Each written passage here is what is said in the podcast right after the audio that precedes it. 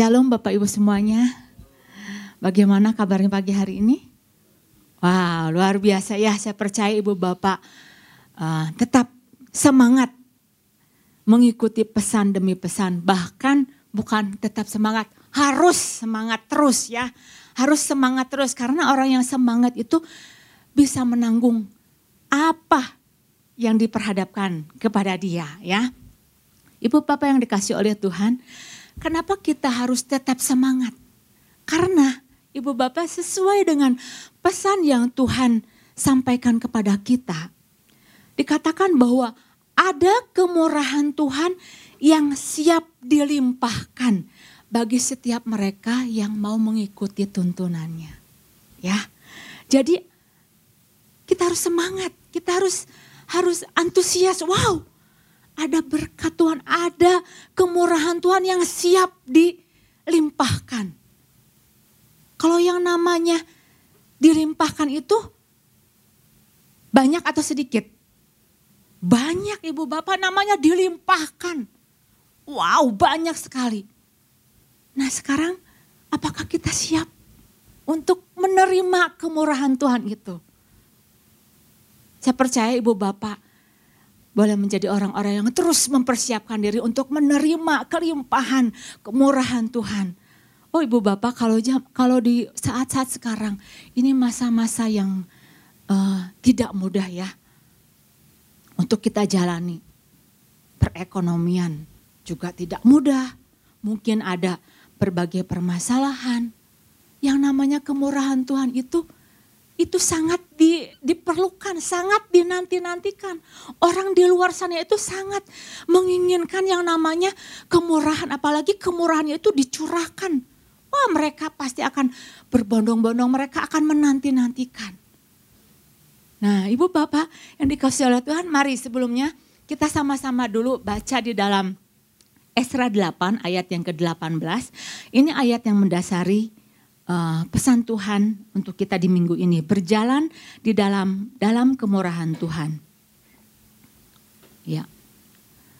Kemudian karena tangan murah Allah kami itu melindungi kami, didatangkanlah oleh mereka kepada kami orang-orang yang berakal budi dari Bani Mahli bin Lewi bin Ismail, yakni yakni Serebia dengan anak-anak dan saudara-saudaranya 18 orang. Nah, Ibu Bapak, ini ada satu uh, ada satu kata ya yang mau kita sorot yaitu tangan murah Allah. Karena tangan murah Allah ini diungkapkan, dituliskan itu bukan hanya satu kali saja. Tetapi berulang-ulang. Ibu Bapak bisa baca di dalam ayat yang pasal ke-7.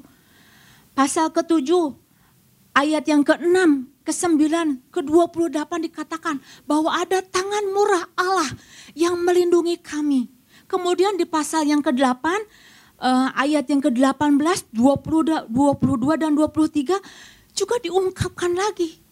Jadi kata tangan murah ini kalau di dalam uh, ilmu hermeneutik diulang-ulang di di uh, apa di dibacakan lagi diulang lagi itu artinya penting.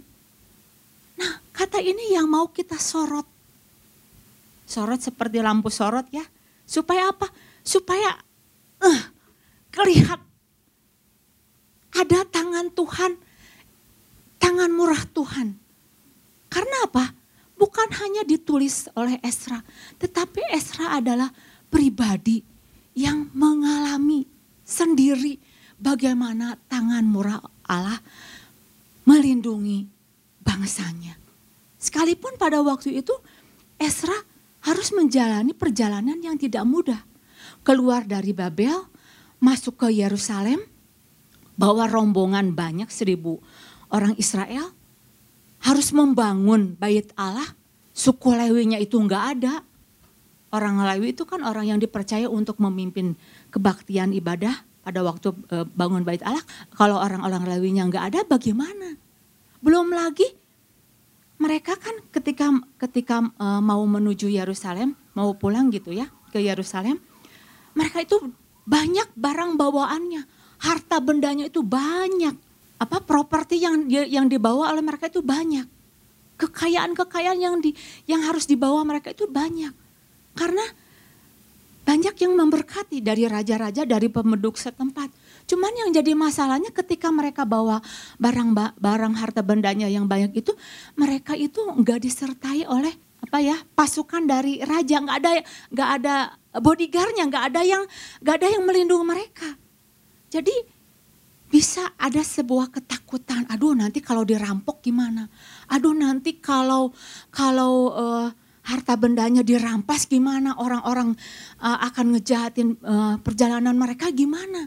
Jadi ada sepertinya sebuah kekhawatiran, ketakutan juga. Tetapi Esra katakan bahwa karena tangan murah Allah melindungi kami, mereka bisa tiba, bahkan mereka bisa bangun. Ada kemurahan Tuhan yang menyertai perjalanan mereka. Ada perbuatan-perbuatan dahsyat yang dilakukan spesial untuk mereka alami.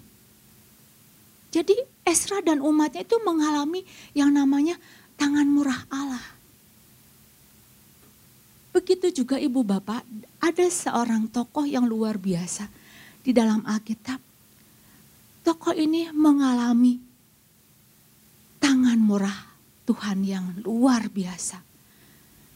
Perbuatan dahsyat dialami oleh Ruth, ibu bapak. Ruth mengalami bagaimana Tuhan membawa dia, bagaimana Tuhan memberkati kehidupannya. Sekalipun pada waktu itu perjalanan Ruth, perjalanan kehidupan itu enggak mudah. Penderitaan, kepahitan. Ibu bapak tahu ceritanya? Perjalanan Ruth. Jadi ketika ada kelaparan di Bethlehem, mereka Elimelek itu mengambil keputusan untuk pergi ke Moab. Untuk mengatasi kelaparan. Dengan cara-cara yang mereka pikir benar. Cara-cara manusia. Elimelek nggak mengandalkan Tuhan, nggak bertanya sama Tuhan, nggak minta Tuhan harus haruskah aku ke Moab atau aku harus menanti di Bethlehem. Nah ini bahayanya ketika Tuhan mau mencurahkan tetapi umatnya itu mengandalkan dengan caranya sendiri maka yang terjadi apa? Elimelek dan dua anaknya mati. Tinggallah Ruth dan Naomi. Perjalanan mereka itu perjalanan yang menyakitkan. Mereka datang membawa sesuatu tetapi akhirnya mereka harus pulang. Coba ibu bapak bayangkan orang yang tadinya punya berada banyak. Akhirnya pulang dengan tangan kosong. Bagaimana malunya? Uh, mungkin orang bilang, wah gagal. Gak berhasil. Malu. Muka ditaruh ke mana gitu. Oh ibu bapak. Jangan sampai kita mengalami hal demikian. Apa yang tadinya mungkin sepertinya pahit, ceritanya awalnya pahit, tetapi kalau tangan kemurahan Tuhan turun, yang pahit menjadi manis, Ibu. Yang tadinya mungkin sepertinya memalukan, tapi Tuhan bawa tinggi, Ruth pada akhir hidupnya luar biasa. Ibu Bapak bisa baca di dalam Ruth ya, perjalanan Ruth. Jadi pada waktu itu ketika uh, Ruth pulang ke Bethlehem, Ruth mengambil keputusan untuk mengambil jelai. Memungut jelai-jelai di mana?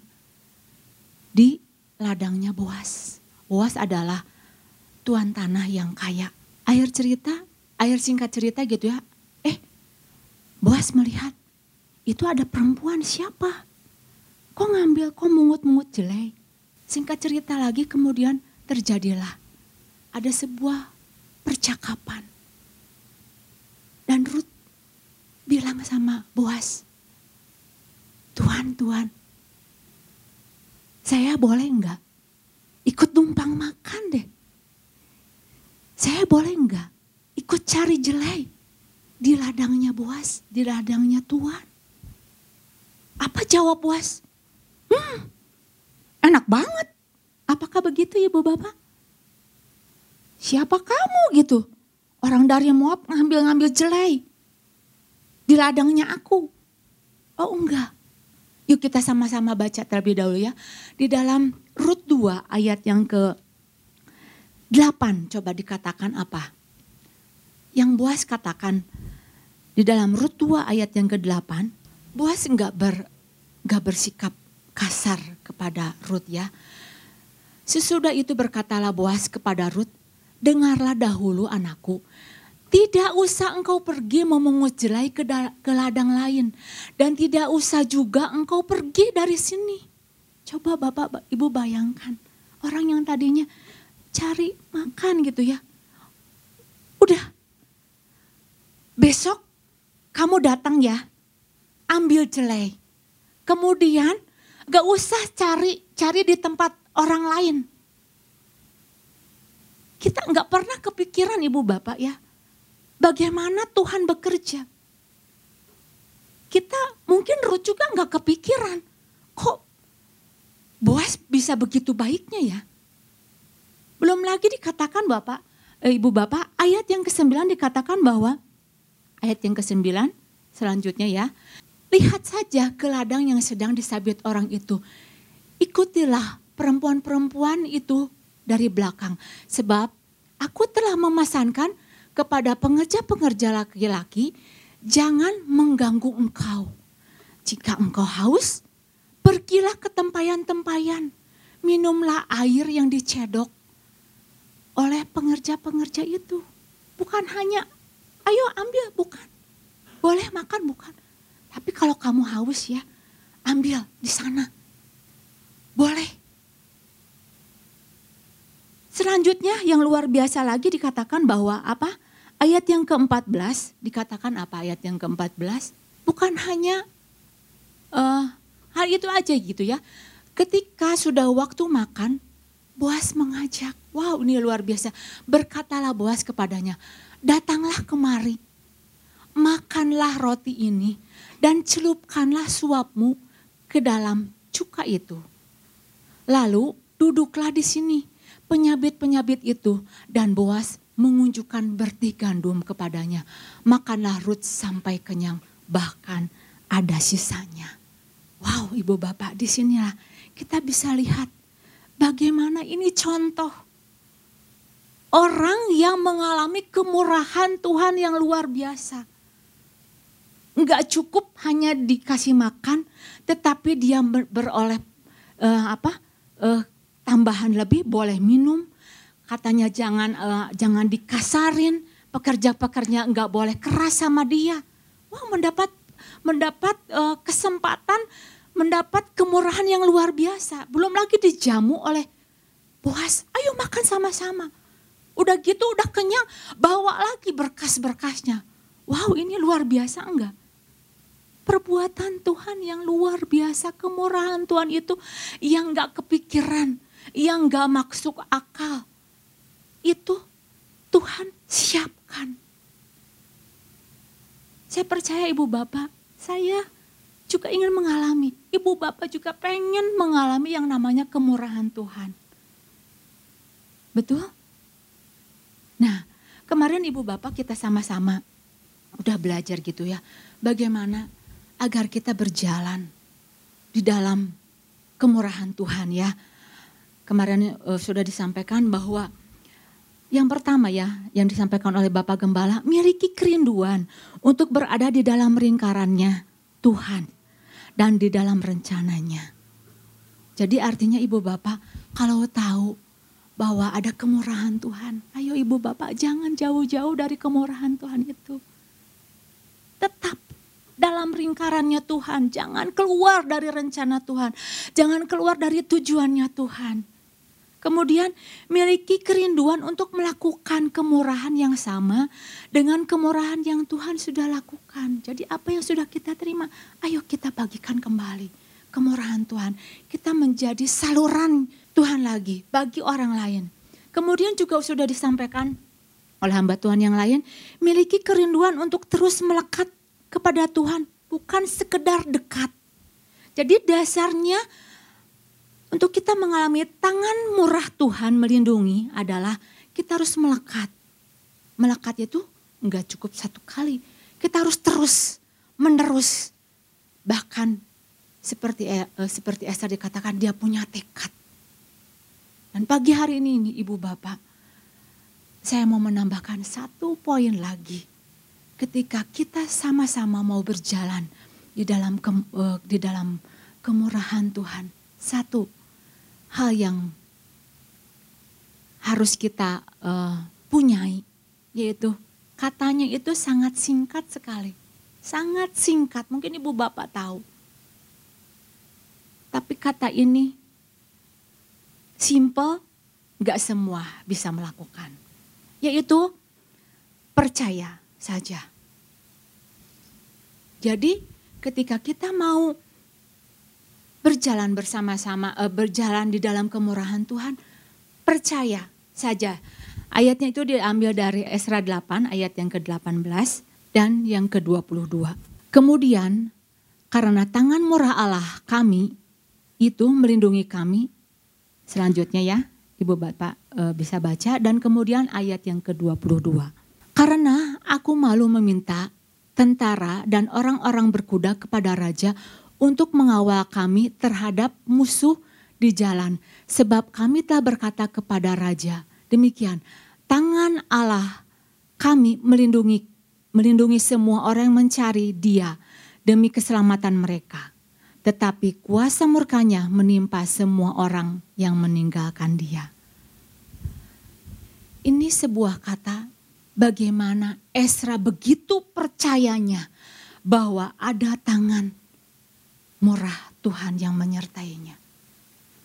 Percaya katanya itu simple, singkat, percaya. Tetapi enggak semua orang mudah untuk menghidupi yang namanya percaya ini. Bahkan gak sedikit dari anak-anak Tuhan yang jungkir balik untuk mempercayai Tuhan ada. Untuk mempercayai bahwa kemurahan Tuhan itu ada. Kemurahan Tuhan itu siap untuk dilimpahkan. Jadi artinya ibu bapak di sini yang namanya percaya itu bakal menjadi sebuah permasalahan bagi orang-orang percaya apabila percaya yang dia punya itu hanya percaya yang hanya oh iya percaya yang sekedar menerima percaya yang pasif. Sedangkan yang mau kita gali percaya itu adalah percaya yang aktif. Percaya yang enggak hanya sekedar menerima. Nah kita nanti akan belajar bagaimana bagaimana agar percaya uh, percaya kita itu terus bertumbuh. Bertumbuh dan bertumbuh lagi karena yang menjadi permasalahan adalah ketika kita tahu bahwa ada kemurahan Tuhan yang tersedia masalahnya apa umatnya itu kadangkala ragu bener enggak ya Tuhan tuh bisa melakukan sesuatu benar enggak ya? Tuhan itu ada dan bekerja. Kalau kalau enggak lagi enggak ada masalah ya mungkin ya aman-aman aja. Oh iya aku mengalami. Tetapi ketika dihimpit dengan sebuah permasalahan, didesak oleh permasalahan. Mana ya pertolongan Tuhan.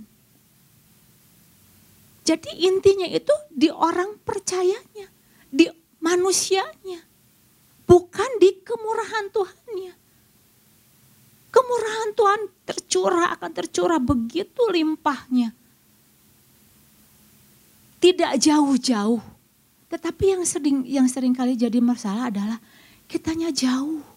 Jauh dari kemurahan Tuhan itu. Nah ibu bapak yang dikasih oleh Tuhan, Esra, dia begitu percaya bahwa ada kemurahan Tuhan menyertai melindunginya. perjalanan yang tadi saya bilang nggak mudah membawa orang dengan berbagai uh, apa perbendaharaannya. Itu ada sebuah ketakutan. Apalagi nggak dikawal gitu ya. Terus bawa barang-barang berharga. Kalau ibu bapak baca gitu ya di dalam Esra 1 gitu ya ternyata barang-barang berharga yang mereka bawa itu banyak sekali.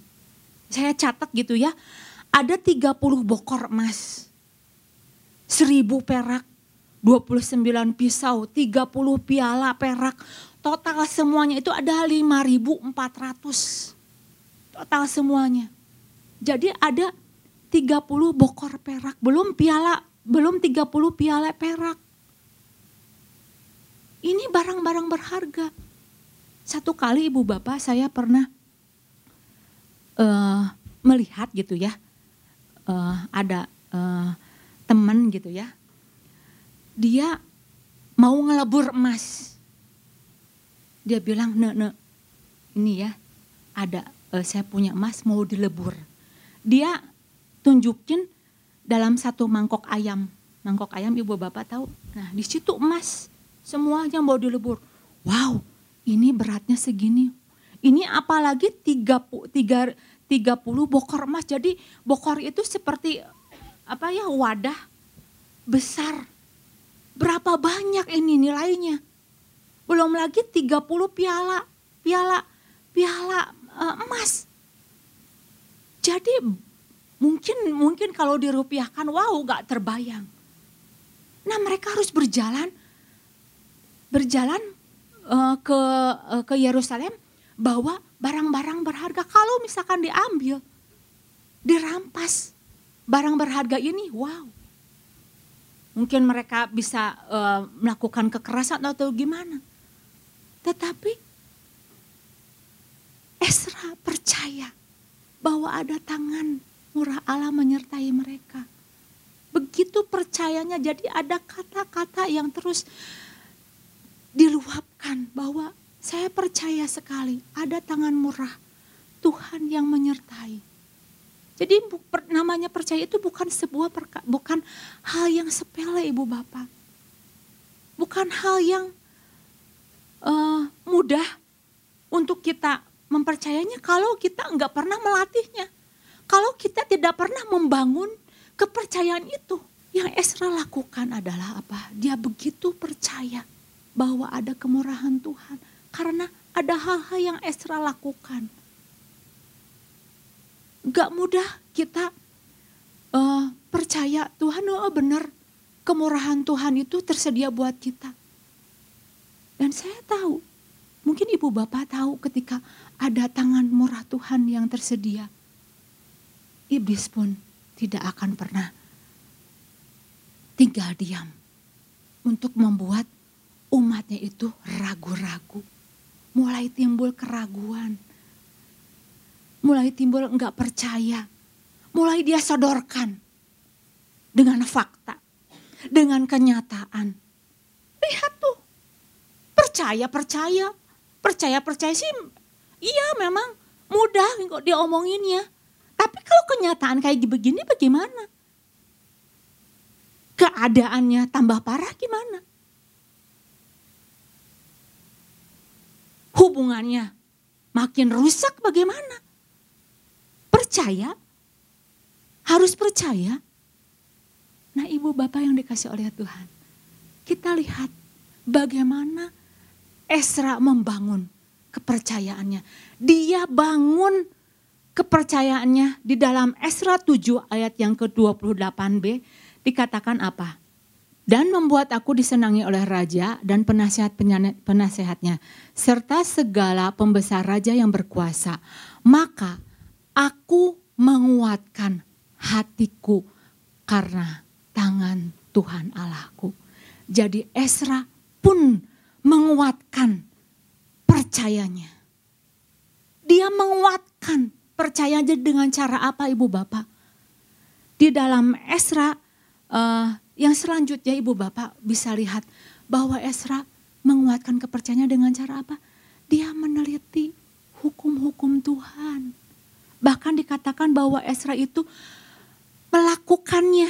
Esra 7 ayat yang ke-10 dikatakan apa? Ia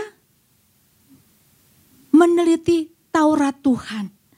Jadi Taurat Tuhan itu diteliti, digali, dia pengen tahu. Saya percaya ibu bapak ketika ibu bapak gali kebenaran firman Tuhan, ingin tahu lebih dalam, ini teh bagaimana ceritanya, ini teh bagaimana Tuhan bisa bekerja, digali, kemudian direnung-renungin, dipikir-pikirin, ini gimana ya, Tuhan kok bisa bekerja, kok bisa dahsyatnya, kemudian dilakukan, dipraktekkan, ini dahsyat, ini luar biasa ibu bapak. Iblis nggak suka dengan yang namanya orang uh, anak-anak Tuhan yang punya kepercayaan, yang punya percaya begitu kuat. Karena orang anak-anak Tuhan yang percaya, dia yang akan bertindak.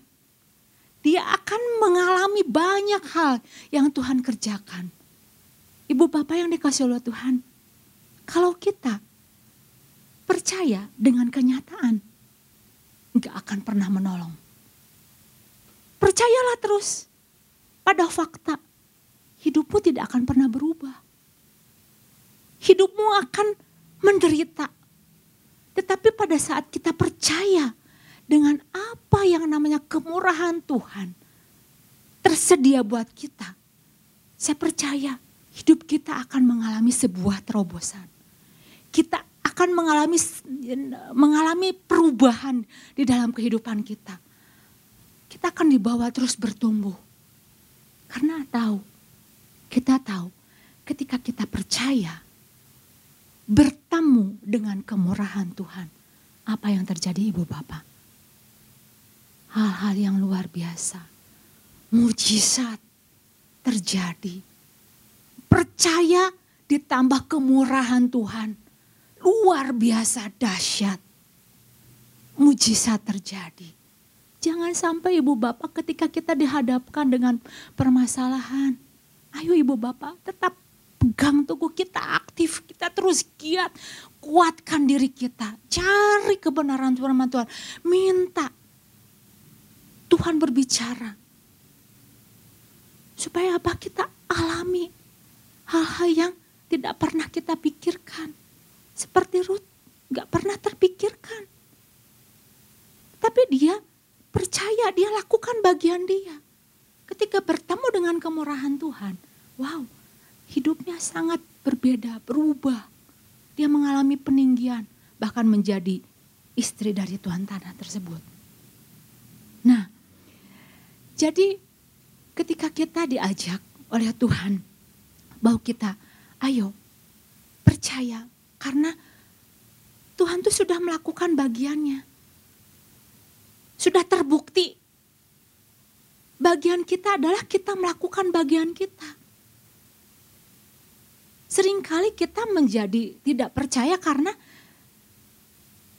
kita sering kali dijejali gitu ya oleh pemikiran-pemikiran bahwa uh, mungkin minta nggak mungkin. Yuk kita sama-sama baca ya di dalam Markus 11 eh, ayat 24 dikatakan bahwa bahwa apa? Apa yang kau minta, percayalah bahwa kamu sudah menerimanya.